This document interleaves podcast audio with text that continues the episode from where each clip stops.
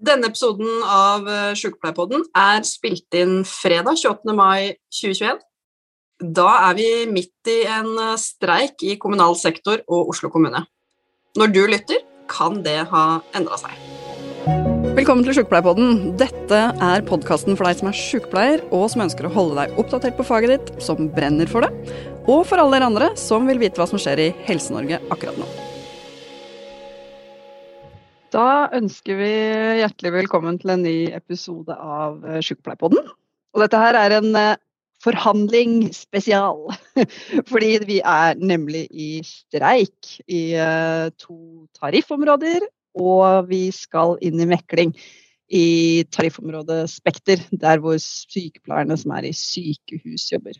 Så vi skal snakke litt om hva forhandlinger er, hvordan det funker, hvorfor vi er i konflikt ja, og kanskje fortelle noen eh, gode historier fra innsida.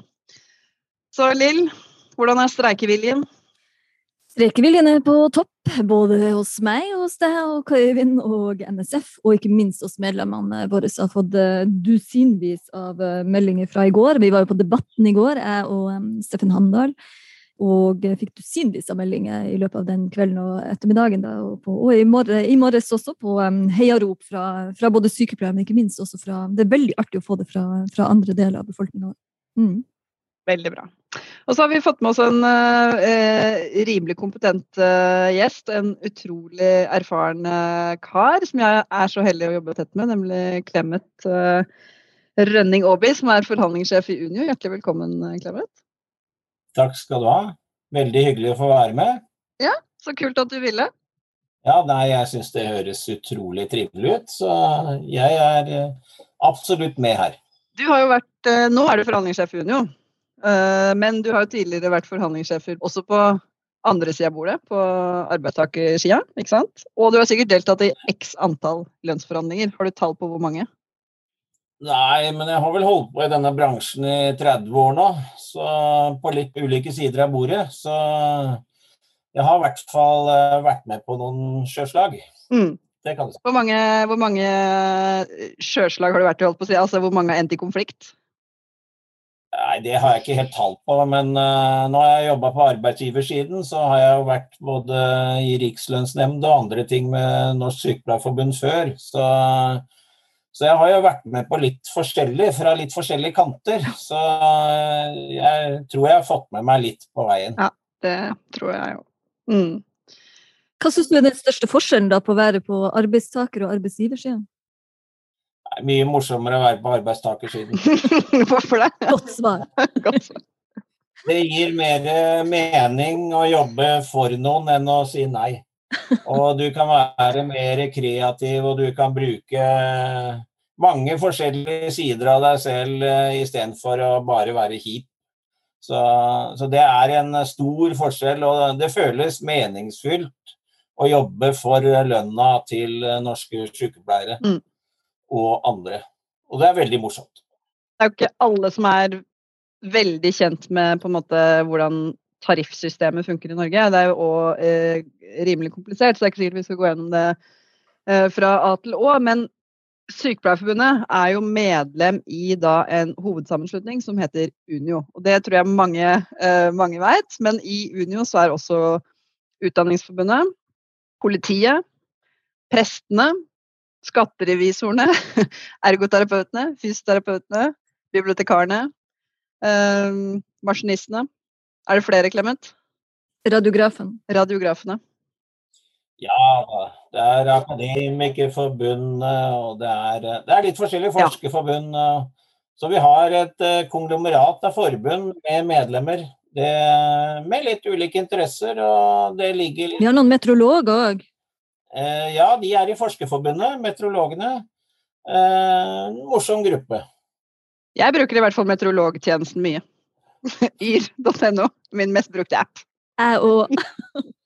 Det er jo en av de appene som gjør at jeg ikke har forferdelig lyst til å fare hjem i, i helga. For da Yr viser jo at det er sne, melder sne i uh, Tromsø, og så er det jo da 23 grader i, i Oslo. Jeg skal altså hjem til Tromsø. Via meteorologtjenesten. Ja, nei, det er helt nydelig, det er helt nydelig i, på Østlandet om dagene i hvert fall. Så det, det er vi glad for. Apropos meteorologene, så er jo åpne der du er fra, Lill, så har jo meteorologene hatt en veldig stor betydning for uh, næringsgrunnlaget. Da. Det er viktig når folk skal ut på fiske og sånn, at uh, værmeldinga er uh, god. Ja, Været betyr jo omtrent alt for, for, selvfølgelig fiskenæring, men ikke bare det. Men nordlysturisme, for den saks skyld. Altså, det er klart. Så, um, så, akkurat det Meteorologiske institutt har jo hatt stor betydning i, i, Tromsø i godt over 100 år. Det er ikke noe rart folk er opptatt av været, sier jeg bare. Det betyr mye. Men eh, dere, det var ikke det vi egentlig snakket om været, selv om det er favorittema til alle, alle, nordmenn. Bare for å avslutte dette med hvem eh, Unio er, så det er jo 400 000 medlemmer da, i Unio. Så i Unio-styret så sitter jo Lill som styremedlem, og det samme, samme gjør jeg. Jeg er nestleder både i Sykepleierforbundet og i Unio. Og så er Lill, du er forhandlingsleder for Unio i Spekterområdet. Og jeg er i forhandlingsledelsen i KS, altså i kommunene for Unio. Sant? Ja. Og så er Kai Øyvind da ikke forhandlingsleder, men han er medlem i forhandlingsutvalget i uh, Unio stat. Mm. Så har vi jo selvfølgelig Unio, eh, altså Oslo kommune, der eh, Bård Erik Ruud er også eh, Jeg vet ikke posisjonen hans, han er jo ikke leder, er han nestleder? Mm. Han er nestleder i Unio Oslo kommune. Mm. mm. Så han er fylkesleder i, fylkesleder i Oslo. Ja, og det er jo, Oslo kommune er jo eget tariffområde, og det er det jo mange som ikke uh, veit. Sånn at når det gikk ut melding om at vi hadde gått i streik i går, mens Oslo kommune fortsatt var i, i mekling, så ble det litt eh, så ble, så ble, det litt hektisk aktivitet der en stund, fordi vi hadde jo ikke skrevet at det ikke gjaldt Oslo kommune på den eh, meldinga som gikk ut, og ikke alle visste at de fortsatt var i mekling. Men eh, Clemet, vet du hvorfor ikke Oslo kommune er en del av KS? Hva er historien rundt det? Det, det er, KS er jo en arbeidsgiverorganisasjon som er egentlig bygd opp i etterkrigstiden. Og de største kommunene eh, har jo tradisjonelt greid mye sjøl. Og i begynnelsen så var det flere kommuner som var ute. På 80-tallet så var det vel Bærum var utenfor og, og litt sånn. Eh, men så er dette kommet mer og mer sammen i KS. Og eh, siste kommunen som har vært et spørsmål skulle innlemmes, var jo Oslo kommune. da, Hovedstad og både kommune og fylkeskommune i ett, liksom. Men de har valgt å stå for seg selv som desidert største kommunen i Norge, og med fylkeskommunale tjenester også. Sånn at uh, det har blitt sånn at Oslo er for seg selv, og KS tar resten uh, av kommunesektoren. Så det er en, en, lang historie som nå har vel mer eller mindre stabilisert seg der. Oslo kommune var jo lenge medlem av KS, men eh, egentlig tariffstridig ikke omfattet av arbeidsgiversiden, men det er nå ordna i vedtektene deres. Så, så, nå er eh, på en måte Oslo selvstendig, og det er akseptert og erkjent, og, og sånn er det. Hmm. Ja, nei, Det er jo interessant at de velger det. Men de sier jo Oslo kommune sjøl vet at de argumenterer med liksom storbyproblematikk og at de har andre utfordringer enn de andre kommunene. og men jeg tror vel KS ville sagt at det er ganske stor forskjell på utfordringene i de 356 andre. 355 da sikkert, siden det er uten Oslo også. Men, ja. Ja, nei, jeg tror ikke den saken eh, er liksom på dagsorden lenger. Det er liksom en akseptert situasjon, og nå er liksom ikke det noe, noe issue. Eh, men det var det lenge, og eh, det er vel nå skrinlagt. Så sånn er det.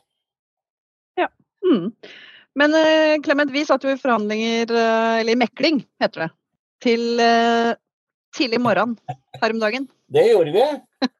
Det var jo en spesiell affære, for så vidt. Det er klart Unio var, representerte jo både dere i NSF og Utdanningsforbundet, og vi har forberedt oss lenge både Utdanningsforbundet og Norsk Sykepleierforbund var jo i meklinger etter fjoråret, som var et eh, spesielt, meget spesielt år. Eh, alt var utsatt, alt, eh, og det blei veldig lagt lokk på lønnsveksten i en veldig spesiell pandemisituasjon. Og, og det blei jo så skralt oppgjør at både uravstemningen i NSF og i Utdanningsforbundet eh, gikk jo mot eh, det anbefatte forslaget, men nå gikk det jo til megling, og vi fikk noen føringer både for NSF og for Utdanningsforbundet som gjorde at vi eh, kunne gå inn mot dette oppgjøret med forventninger om å bli prioritert. Men det eh, er vel ikke inntrykk at vi ble. Og um, vi var nokså langt unna det som var våre ambisjoner eh, i dette oppgjøret, tror jeg vi kan si. Det, det kan vi si. Og derfor er vi i streik. Mm. Men hvorfor sitter alltid sånne meklinger ut på morgenskvisten? Er det fordi at man tenker at det er mer sannsynlig at du blir enig når du er trøtt? Nei, så enkelt er det nok ikke. Det er jo, det er jo litt komplisert, da. Er, eh, altså, I KS-området så er det jo fire sammenslutninger som forhandler. Eh, det er eh, oss da i Unio, og så er det LO kommune, YS kommune og Akademikerne kommune. Og eh, i år var det jo svært sprikende krav, både i forhandlingsfasen og meklingsfasen, egentlig. Og jeg vil vel si det såpass kort at KS klarte ikke å forene dette med våre ambisjoner i totalt sett, og det gikk på trynet for vår del. Uh, og Dermed er vi i en konfliktsituasjon, og det syns jeg er helt ryddig. Altså, de klarte ikke å innfri egne og våre forventninger, vil jeg si. Uh, I og med at de har, bl.a. for sykepleierne, erkjent en klar mangel uh, som er helt entydig meldt tilbake fra deres egne medlemmer. Og de klarte ikke å prioritere Eh, sykepleierne og de gruppene som det er eh, behov for eh, å rekruttere og mobilisere i den situasjonen vi har nå, og i og for seg framover. Og det er veldig skuffende, syns jeg. Og vi hadde ambisjoner om en annen innretning på dette. Ja. Lill, vi, vi diskuterer jo mye hva vi, hva vi mener skal til for å løse den store utfordringa vi har med sykepleiermangel. Og det gjelder jo alle tariffer, uansett om man jobber i kommune eller stat eller i, i sykehus. Hva tenker du at måten vi blir møtt på fra arbeidsgiver eh, på det utfordringsbildet vi er enige om? Hva tenker du om det? Det er noe med at det er egentlig ganske spesielt, for at når vi møter arbeidsgiver egentlig på veldig mange ulike nivå og ulike settinger, så er vi jo egentlig stort sett enige, altså arbeidsgivere er stort sett enige med oss i at sykepleiere er den vanskeligste gruppa å rekruttere. Det er for liten ramme til å kunne eh, gi nødvendig lønnsvekst for å klare å beholde livsnødvendig kompetanse. Vi har jo til og med en, en, en møtebok fra forrige meklinger i eh, januar i KS-området som sier eh, skriftlig noe om det. Og så møtes vi i et tariffoppgjør sånn som nå, og så, og så virker det nesten så det ikke gjelder lenger. Altså det er et eller annet som skjer i de forhandlingene, og det er selvfølgelig forhandling med flere, flere forbund. Og så er det noe med ramma som er vanskelig, og så klarer vi ikke å møtes eh, på det. Og det er klart at Jeg har jo kalt det uforståelig, for det er noe, når vi egentlig er enige om utfordringsbildet, så må vi jo da også kunne bli enige om løsningen. Løsningen er jo ikke bare lønn, men det er jo definitivt også lønn. Og man er nødt til å starte en plass. Um, men, men, men vi, vi, når ikke på det, og da tenker jeg at da er det også arbeidsgiver sin jobb å jobbe med politikerne. og så gi, eh, På lik linje, jeg tenker, jeg bruker å si det, vi har en plikt som helsepersonell til å si fra når det begynner å gå altså det har betydning for pasientene våre. altså med Både pasientsikkerhet og kvalitet på tjeneste. Det er faktisk vår plikt å si fra om det. Og det gjør vi jo på ulike vis, men vi gjør det jo også gjennom tariffoppgjør. Vi sier at ja, men vi må faktisk ha en høyere lønn til sykepleiere. og Det er det som skal til for at vi skal klare å rekruttere og beholde i nå, men også i årene fremover, når vi har en så stor mangel som vi har. Og da tenker jeg at da er det faktisk arbeidsgiver sitt ansvar også, hvis de ikke har rammen som er stor nok, eller det er ikke mulig å prioritere innenfor så deres oppfatning av både frontfag og hvordan forhandlingen gjøres med ulike forbund, så må de også ta den med både lokale politikere i kommunene, men også med sentrale politikere på Stortinget. For vi er jo opptatt av at uh, man er nødt til å finne løsninger som kanskje er utenfor det, det litt trange bildet da, som er i, i, i frontfagsramma? Eller er det mulig å finne den løsningen innenfor den modellen vi har i dag, tenker du Clemet? Nei, altså Jeg mener jo at uh, den frontfagsmodellen vi har, har jo betydelig fleksibilitet. Mm. Så det er jo sånn at uh, andre områder, som f.eks. Uh, finans og varehandelen i disse tider og sånn, de har jo en ramme som er hinsides mm. frontfaget. Og det er ikke en kjeft som bryr seg om det. Mens, uh, mens vi derimot skal bli holdt lokket på som en slags uh, orden utelukkende for offentlig finansiert velferd. Det er klart at det er med på å true eh, altså både rekruttering, mobilisering og muligheten for at disse gruppene skal få en relativ avlønning som er mer i tråd med det samfunnet for øvrig har. Og det er klart at Sånn anvendelse av frontfagsmodellen den er jo rett og slett truende for livsnødvendig velferd i mm. Norge. Fordi du ikke får de kvalifiserte folka enten eh, Og jeg må si at lærerne er i samme posisjon, egentlig, hvor Og der er på en måte arbeidsgiver ikke helt i tråd med offentlig statistikk og annet. Mens for sykepleierne er det jo en felles erkjennelse som, som de er helt enige om. Og selv da er altså ikke denne modellen mulig å anvende på en slik måte at du får møtt den utfordringen mer konstruktivt enn det vi har vært vitne til nå. Og Det er helt klart en trussel mot hele modellens idé. At du skal kunne ha skattefinansierte tjenester i en blandingsøkonomi som gjør at du har god velferd samtidig som det er god eh, internasjonal konkurranseevne i industrien og andre plasser. Så det er jo anvendelsen av denne modellen som er for eh, statisk og for konservativ. Det er jo der eh, krisen er. Modellen og teorien i seg selv har jo rom for å få dette til. Så det er anvendelsen av denne dokumenten og arbeidsgivers enøyde eh, liksom takholdning ned på individnivå, nærmest, som er jo en eh, trussel mot hele denne modellen, egentlig. Skvatt du litt du også, Clemet, i fjor når vi begynte å risse litt i frontfagsmodellen? Nei. Nei jeg skal, det skal mer til, Lill. Det skal mer til.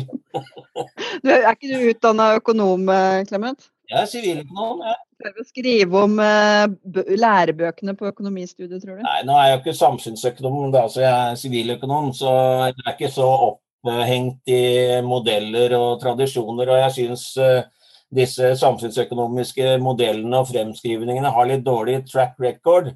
Jeg har mer tro på at du må for å få samfunn, du må ha mer dynamikk. Da. Du må ha litt mer variasjon.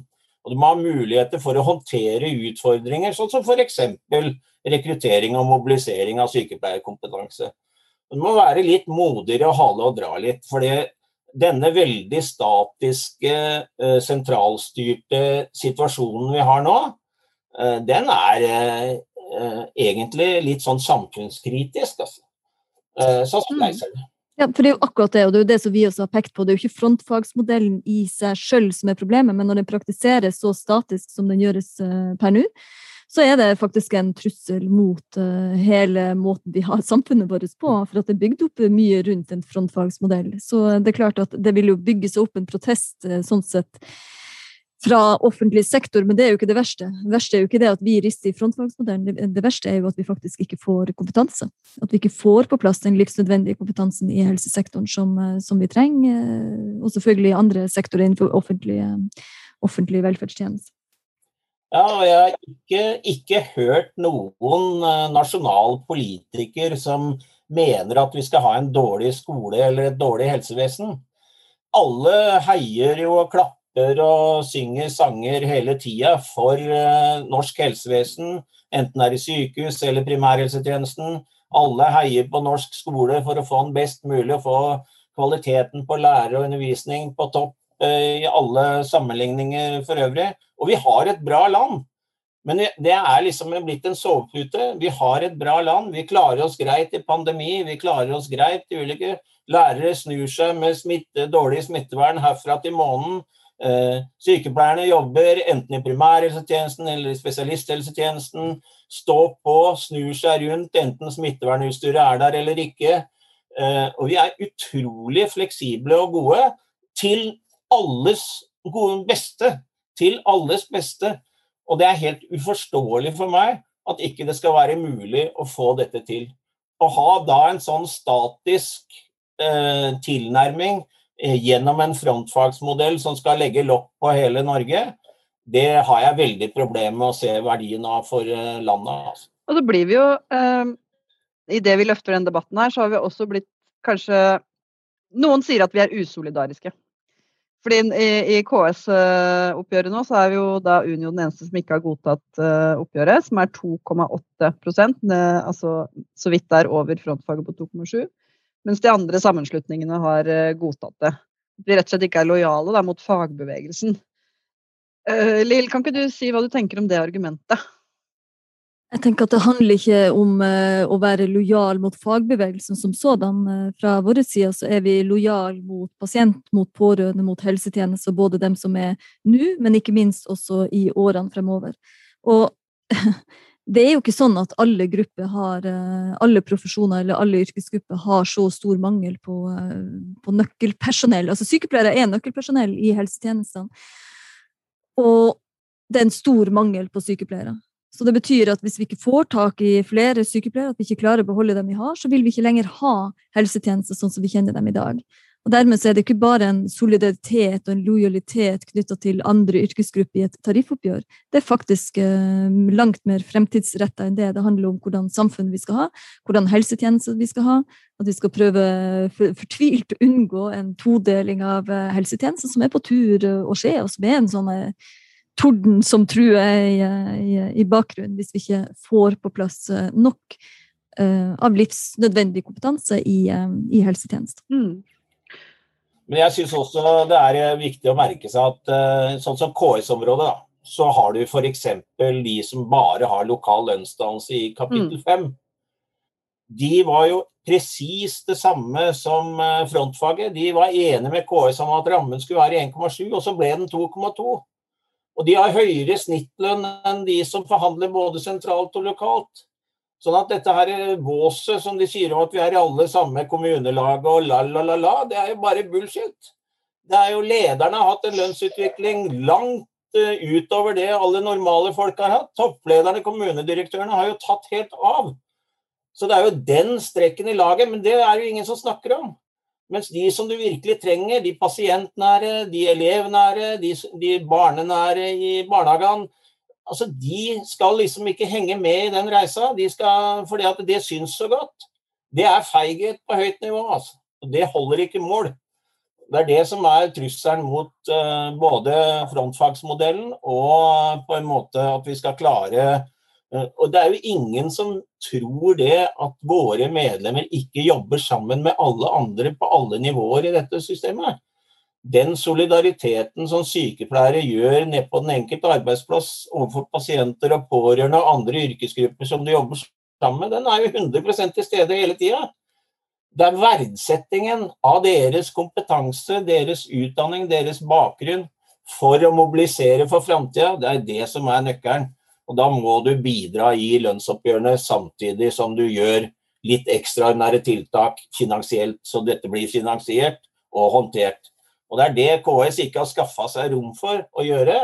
Og det er for dårlig for en arbeidsgiver som sitter på så viktige samfunnskritiske funksjoner som KS gjør. Så står vi jo i et sånn litt sånn eh, make or break. Eh, eh, se her nå har vi en følelse av, ikke sant, i det vi veit at vi mangler så utrolig mye eh, sykepleiere. Det økte faktisk fra med 1800 stykker fra bare fra i fjor. Så nå er vi oppe på et tall på 7000 sykepleiere vi har for lite. Og det, det er kommunehelsetjenesten som sliter aller mest med å rekruttere.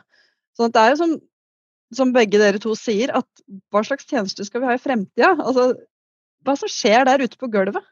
Og sykepleierne er jo 100% avhengig av eh, de gode kollegaene våre. Så det er jo ikke det det handler om. Men det er faktisk den yrkesgruppa det er vanskeligst å rekruttere. Hva har KS tenkt å gjøre med det? Det klarer vi ikke å få et, uh, få et godt svar på, rett og slett.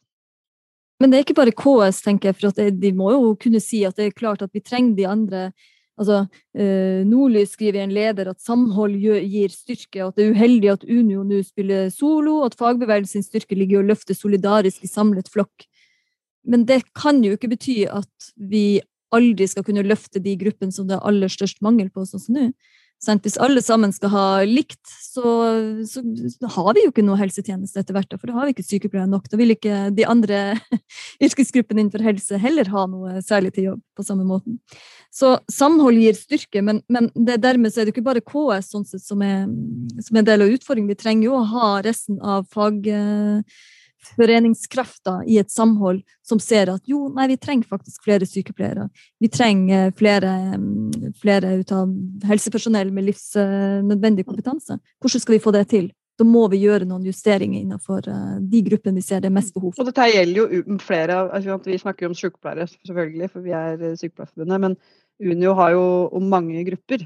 Og innenfor helse så er det jo også ergoterapeutene og fysioterapeutene som òg vil være med på å løse sykepleiermangelen på mange måter. Fordi de kan avlaste oss uh, med veldig viktig kompetanse. Og helsefagarbeideren. Ikke minst helsefagarbeideren. Men de Vi har snakka masse om helsefagarbeideren. Skulle gjort det, så skulle de hatt høyere lønn. Men det er jo liksom en sånn total misforståelse at uh, vi mener at helsetjenesten ikke uh, skal ha helsefagarbeidere med. Altså, Vi fremmer ikke krav for de som ikke er medlemmer hos oss, så enkelt er det. Men det er klart det at vi er jo avhengig av helsefagarbeidere også. Altså Det er jo bare sludder å tro at uh, ikke vi mener det. Så dette der, uh, at alle er i samme båt og alle er på samme lag og sånn, det ble jeg litt kvalm av. For uh, alle mener at skal du ha en god kommunedirektør, så er lønna veldig viktig. Det har du liksom sett. Det er jo fullt av kommunedirektører i KS som, som går etter lønna. Så det er jo bare sludder, det der eh, alle er vi i samme båtopplegg. For det er noen som er i, i, i mer sånn superligabåter enn andre. Sånn at det der holder ikke vann. Det er rett og slett eh, bullshit. Og, og det må de slutte å dulle med. For det er en eventyrfortelling som ikke stemmer med virkeligheten. Eh, og det, Når vi prøver å belegge dette med tall, så blir, møter du liksom bare glassaktig blikk på andre sida. Og det er det vi, vi, er lei av. Og det er det som gjør at vi er i streik. At uh, applaus og klapp på skulderen og alt det andre gode. Og, uh, og, de som er i møte med helsesektoren, er jo stort sett fornøyd. Og de er glad for å bli tatt imot og behandla, både pårørende og pasienter. Sånn at skal du fortsette å ha den kvaliteten, skal du fortsette å ha dette, så, så må altså også lønn anvendes for disse gruppene. Det er altså ikke bare eksklusive grupper som gjemmer bort penger lokalt, eller i små prosesser i det skjulte. Det må også kunne stå for noe eh, oppreist og prioritere. Og Det er det du ikke har møtt nå, og det er det som er årsaken til at du er i streik, mener jeg. Mm. Og Vi skulle jo gjerne omsatt all den applausen i litt hard cash. altså Da hadde vi vært rike som bare søren. Så, men det eh, har vi jo fortsatt ikke fått til, så jeg vet ikke om noen kan ta på seg oppgaven og liksom om, omdanne, eh, omdanne, det. Men vi jobber jo også mye politisk, eh, Lill. Altså forhandlingene, de, eh, der svarer jo politikerne veldig konsekvent at det er en sak mellom partene. Mm. Tenker vi at det er et problem at de alltid svarer det, eller er det bra at det er sånn i Norge? Vi har jo et trepartssamarbeid eh, på alle viktige ting, og det, vi er jo veldig fornøyd med trepartssamarbeid, som da består av eh, arbeidstakerorganisasjoner sånn som oss, og Unio og LO. Og så har vi arbeidsgiverorganisasjoner sånn som eh, KS og Spekter og andre. Og så har vi storting, regjering, som den tredje, tredje parten. Og det er klart at de har på en måte delegert det ansvaret for lønnsdannelse har de delegert til, til, partene, og det er derfor de svarer sånn som de gjør. Og det er jo fint så lenge det fungerer, eh, og så lenge du klarer å skaffe til veie den kompetansen som er nødvendig for å sikre befolkninga de tjenestene som vi har eh, både krav på og rett til og eh, forventer som samfunn, eh, som også, som helsetjenester, som skole osv. Problemet blir jo nettopp når vi ikke lenger klarer det. Når vi mangler folk, vi ikke får tak i kvalifiserte lærere, eller at vi ikke får tak i sykepleiere nok til å faktisk bevare de tjenestene. Da er det et politisk ansvar å gripe inn og gjøre de tiltakene som er nødvendige for at man faktisk skal sikre seg eh, offentlige velferdstjenester, som, som, de er veldig opptatt av, egentlig alle politikere. Uansett parti så ønsker man jo en offentlig velferdstjeneste, offentlige helsetjenester i Norge. Og Da er det jo et politisk ansvar. så de ikke kan, Vi har jo sagt noen ting om at altså, driver de på å abdisere. Hva er det for noe? Har de abdisert fra et, eh, sitt politiske ansvar for helsetjenester? Det går ikke an. Politikerne kan ikke abdisere fra det. Du kan ikke si at ja, men vi skal ha pasienten sin helsetjeneste. Eh, ja, det er jo kjempefint, men hvis pasienten ikke møter en sykepleier i helsetjenesten, så har du ikke noe pasienten sin helsetjeneste. Da har du i så tilfelle individualisert etter hver og en enkelt pasient og styrer sin egen helse og behandling og pleie og omsorg i det hele tatt. Det er ikke dit vi skal. Så um, også liker jeg veldig godt at vi har en del både økonomer og jurister etter hvert som sier noen ting om at eh, de kan jo ikke altså, Hvis de do the talk, så må de uh, gjøre the walk uh, også. Som betyr at hvis du først sier noe om hvordan helsetjenester for eksempel, da, skal være, hva slags krav man setter, så må man også sørge for at man har de ressursene, de rammene som, eh, som er til stede, om det er kommuner eller sykehus, for at de både skal kunne kjøpe inn utstyr og sikre seg de kompetanseressursene, altså de fagfolkene, de folkene med riktig kompetanse på plass. Mm. Men nå er vi 7400 Unio-medlemmer ute i, i gatene ja, altså en litt mer sånn smittevernvennlig streik denne gangen, da, selvfølgelig. Eh, siden vi er ikke sånn i gatene og på torgene som man vanligvis er på en streik. Det er mye digitale arrangementer. Men fra eh, helt i nord eh, til helt i sør, og både kommuner og fylker er ute. Og nå, for eh, bare en liten stund siden, så meldte vi opptrapping eh, til fase to. Sånn at neste uke så tar vi ut enda flere eh, medlemmer i, i streik. Hvor lenge varer en gjennomsnittlig norsk streik? Eh, vet du det? Hvor lenge kan vi stå i dette? Nei, jeg har, jeg har ikke tatt tida på det, egentlig. Men eh, det er jo litt forskjellig, eh, det. Og altså For vår del så kan det jo vare så lenge det må. Men, men det er klart at vi sitter jo på de gruppene vi sitter på. Og dere er jo sånn sett en kritisk gruppe i helse. Og det er klart at lovgiver har en tendens til å komme med, med rikslønnsnemnd før du vet ordet av det. Uh, det er jo ikke noe vi er glad i. Altså, vi ønsker at dette skal være en streik som, uh, som uh, syns, og som merkes, og som får konsekvenser ved at arbeidsgiver kommer, kommer til oss. Men de har en tendens til i, i, vår sektor å spekulere i å prøve å finne unnskyldninger for å få en lønnsnemnd. Det har vi erfart før.